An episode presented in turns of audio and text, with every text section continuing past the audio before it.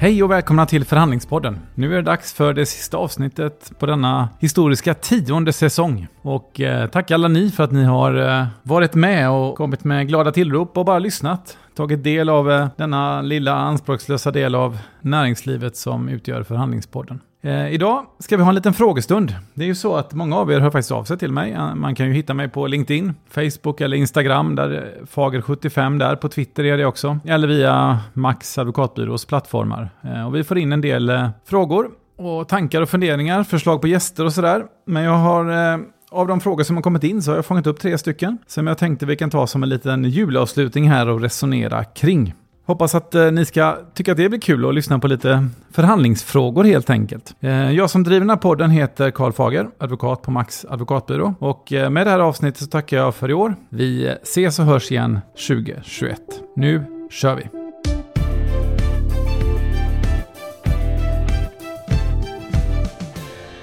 Yes, och då börjar vi med den första frågan och det är Per som eh, jag väljer på att ta förnamnen här så eh, anonymiserar vi lite. Per undrar, jag ska eventuellt sälja mitt företag. Hur ska jag veta vad det är värt? Det här är en fråga som jag tror vi som jobbar med att köpa och sälja saker och de sakerna är inte sällan köpa och sälja bolag. Ofta, ofta får den frågan. Vad är mitt företag värt? Eller för den som istället ska köpa, vad ska jag lägga för bud? Vad förväntar de sig? Hur, vad tror de att deras företag är värt? Och eh, det här med att värdera företag är ju ingen, eh, ingen enkel övning om man inte är noterat på börsen, för då har ju marknaden satt ett pris. Men om man är ett så kallat onoterat bolag, det vill säga ett bolag som är utanför börsen, så blir det lite svårare. Eh, Och där finns det en, en, lite olika metoder. Ehm, det finns olika multipelvärderingar som man kan pröva lite. Man kan, eh, särskilt om man är ett moget bolag, kan man ta sin vinst och så kan man räkna den gånger 5, 6, 7. Då brukar man få någon liten känsla för vad ens företag är värt.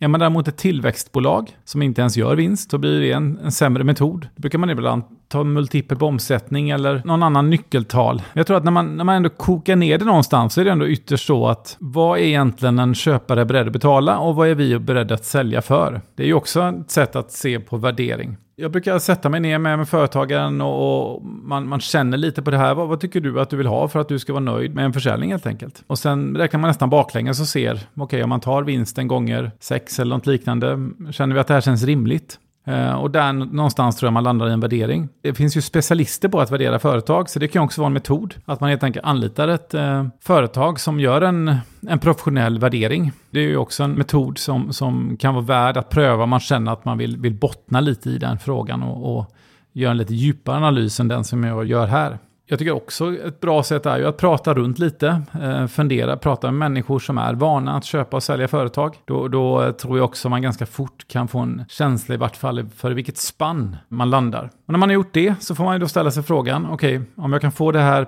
x miljoner kronor, skulle det vara värt för mig att sälja mitt företag, hela eller delar? Så eh, Per, jag vet inte om det kan vara ett litet ord på vägen och att du eh, kan få eh, någon liten känsla för hur man värderar sitt företag. Sen har det kommit in en annan fråga som eh, är från Camilla som säger tack för en trevlig säsong. Tack själv Camilla. Jag jobbar som ekonomichef i en större koncern och jag tycker det är svårt att få våra förhandlingsteam att dra åt samma håll. Tips tack. Ja du Camilla, jag tror att det här med team, alltså att man är flera personer från samma sida som förhandlar tillsammans. Det är någonting, jag hörde faktiskt en föreläsning om det där igår och vi pratade en del om just den frågan och det är bara att konstatera att det där är en ganska svår fråga. Hur sätter man ihop teamet på rätt sätt? Man, om man börjar där, för det, det tror jag kan, en anledning kanske man inte kan dra åt samma håll, det kanske är att man, man inte har ett rätt sammansatt team. Och vad är ett rätt sammansatt team? Alltså jag tror att man ska ha personer som kan matcha lite olika typer av frågor. Man kanske ska ha någon som är ekonom, som, som grottar sig ner i siffrorna. Man ska nog förmodligen ha en, en specialist. Är det ett IT-bolag man ska titta på kanske man ska ha en IT-specialist beroende på liksom vad är det man gör. Om man är inom fastighetsbranschen bör man såklart ha någon som kan branschen, alltså bransch, djup branschkunskap. Och sen tredje kanske man ska ha någon väldigt, väldigt förhandlingsvan person som kanske projektleder förhandlingen som sådan. Man ska också kanske fundera på att man som personer ska vara inte alltför lika. Man kanske ska försöka variera lite ålder, bakgrund, erfarenhet, kön. Så att man inte bli för lika, men kanske heller inte ja, för olika är fel att säga, men kanske också viktigt att man funderar att teamet är på ett personligt plan, ett team som, som funkar ihop, att man kan ha kul ihop och att man kan eh, tycka att det känns roligt att göra ett projekt tillsammans. Jag tror att när du har satt ihop det teamet, eh, Camilla, så tror jag man sen ska ta ett rejält uppstartsmöte. Här tror jag är någonting som man slarvar ganska mycket med. Jag tror att man ofta, eh, jag vet att det är så, okej okay, vi kan väl ses tio minuter innan vi går iväg till det här förhandlingsmötet och så snackar man om sig lite och så ta, drar man upp de sista riktlinjerna i hissen. Och eh, det tycker inte jag är bra nog utan jag tycker man ska sätta av, eh, sagt om det är någon slags volym på affären, sätta av en timma, sätt er ner och eh, se till att göra gör en ordentlig förberedelse. Vad vill vi ha ut av den här förhandlingen? Vad vill de ha ut av den här förhandlingen? Vad kan vi ge? Vad kan de ge? Vilka är det vi ska träffa? Hur matchar vi dem på rätt sätt? Också fördela rollerna i teamet.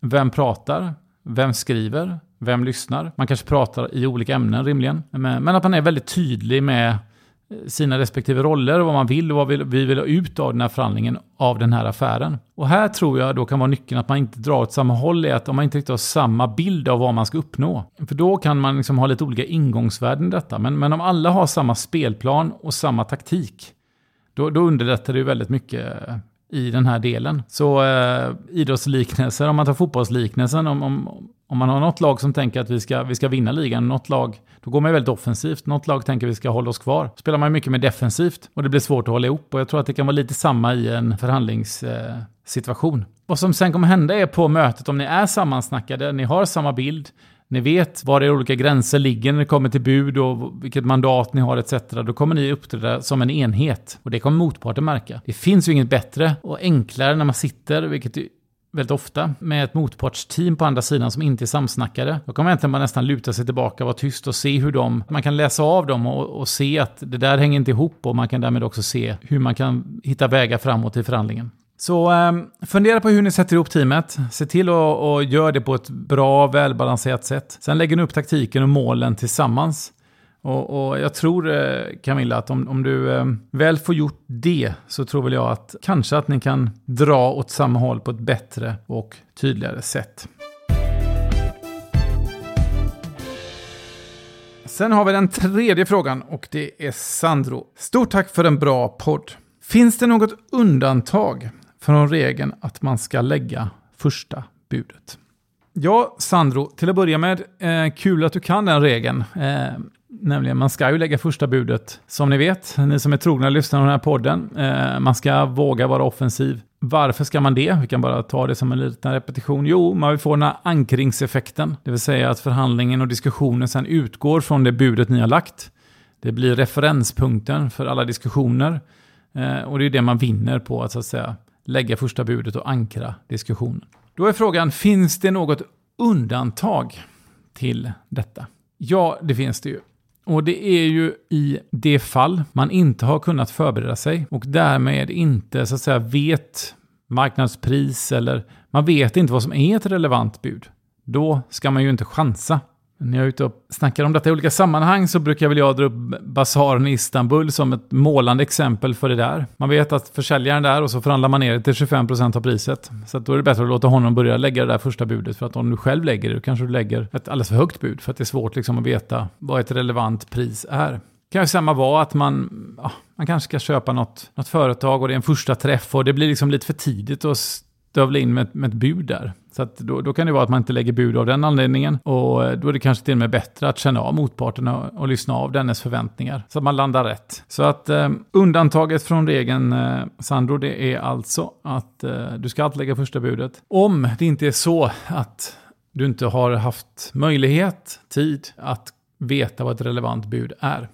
Vi kan väl bara som eh, ett litet så här tillägg också fundera på när man lägger det där första budet, hur ska man lägga det då? Eh, jo, man skulle lägga det, om man är säljare, så högt man kan utan att förnärma motparten. Det vill säga, ni ska inte lägga skambud, men ni ska ändå ha gjort jobbet så ni vet liksom var gränsen går, där man lägger ett bud som är relevant och realistiskt och, och seriöst, men, men ändå så att det finns ett visst förhandlingsutrymme.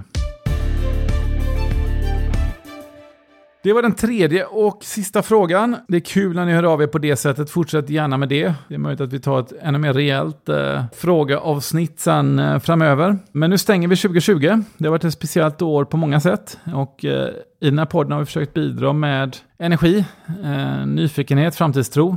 Därför att eh, man kan bara påverka det man kan påverka och det är eh, viktigt att eh, tänka positivt i alla lägen. Och det är det vi gör och 2021 tror jag blir helt fantastiskt.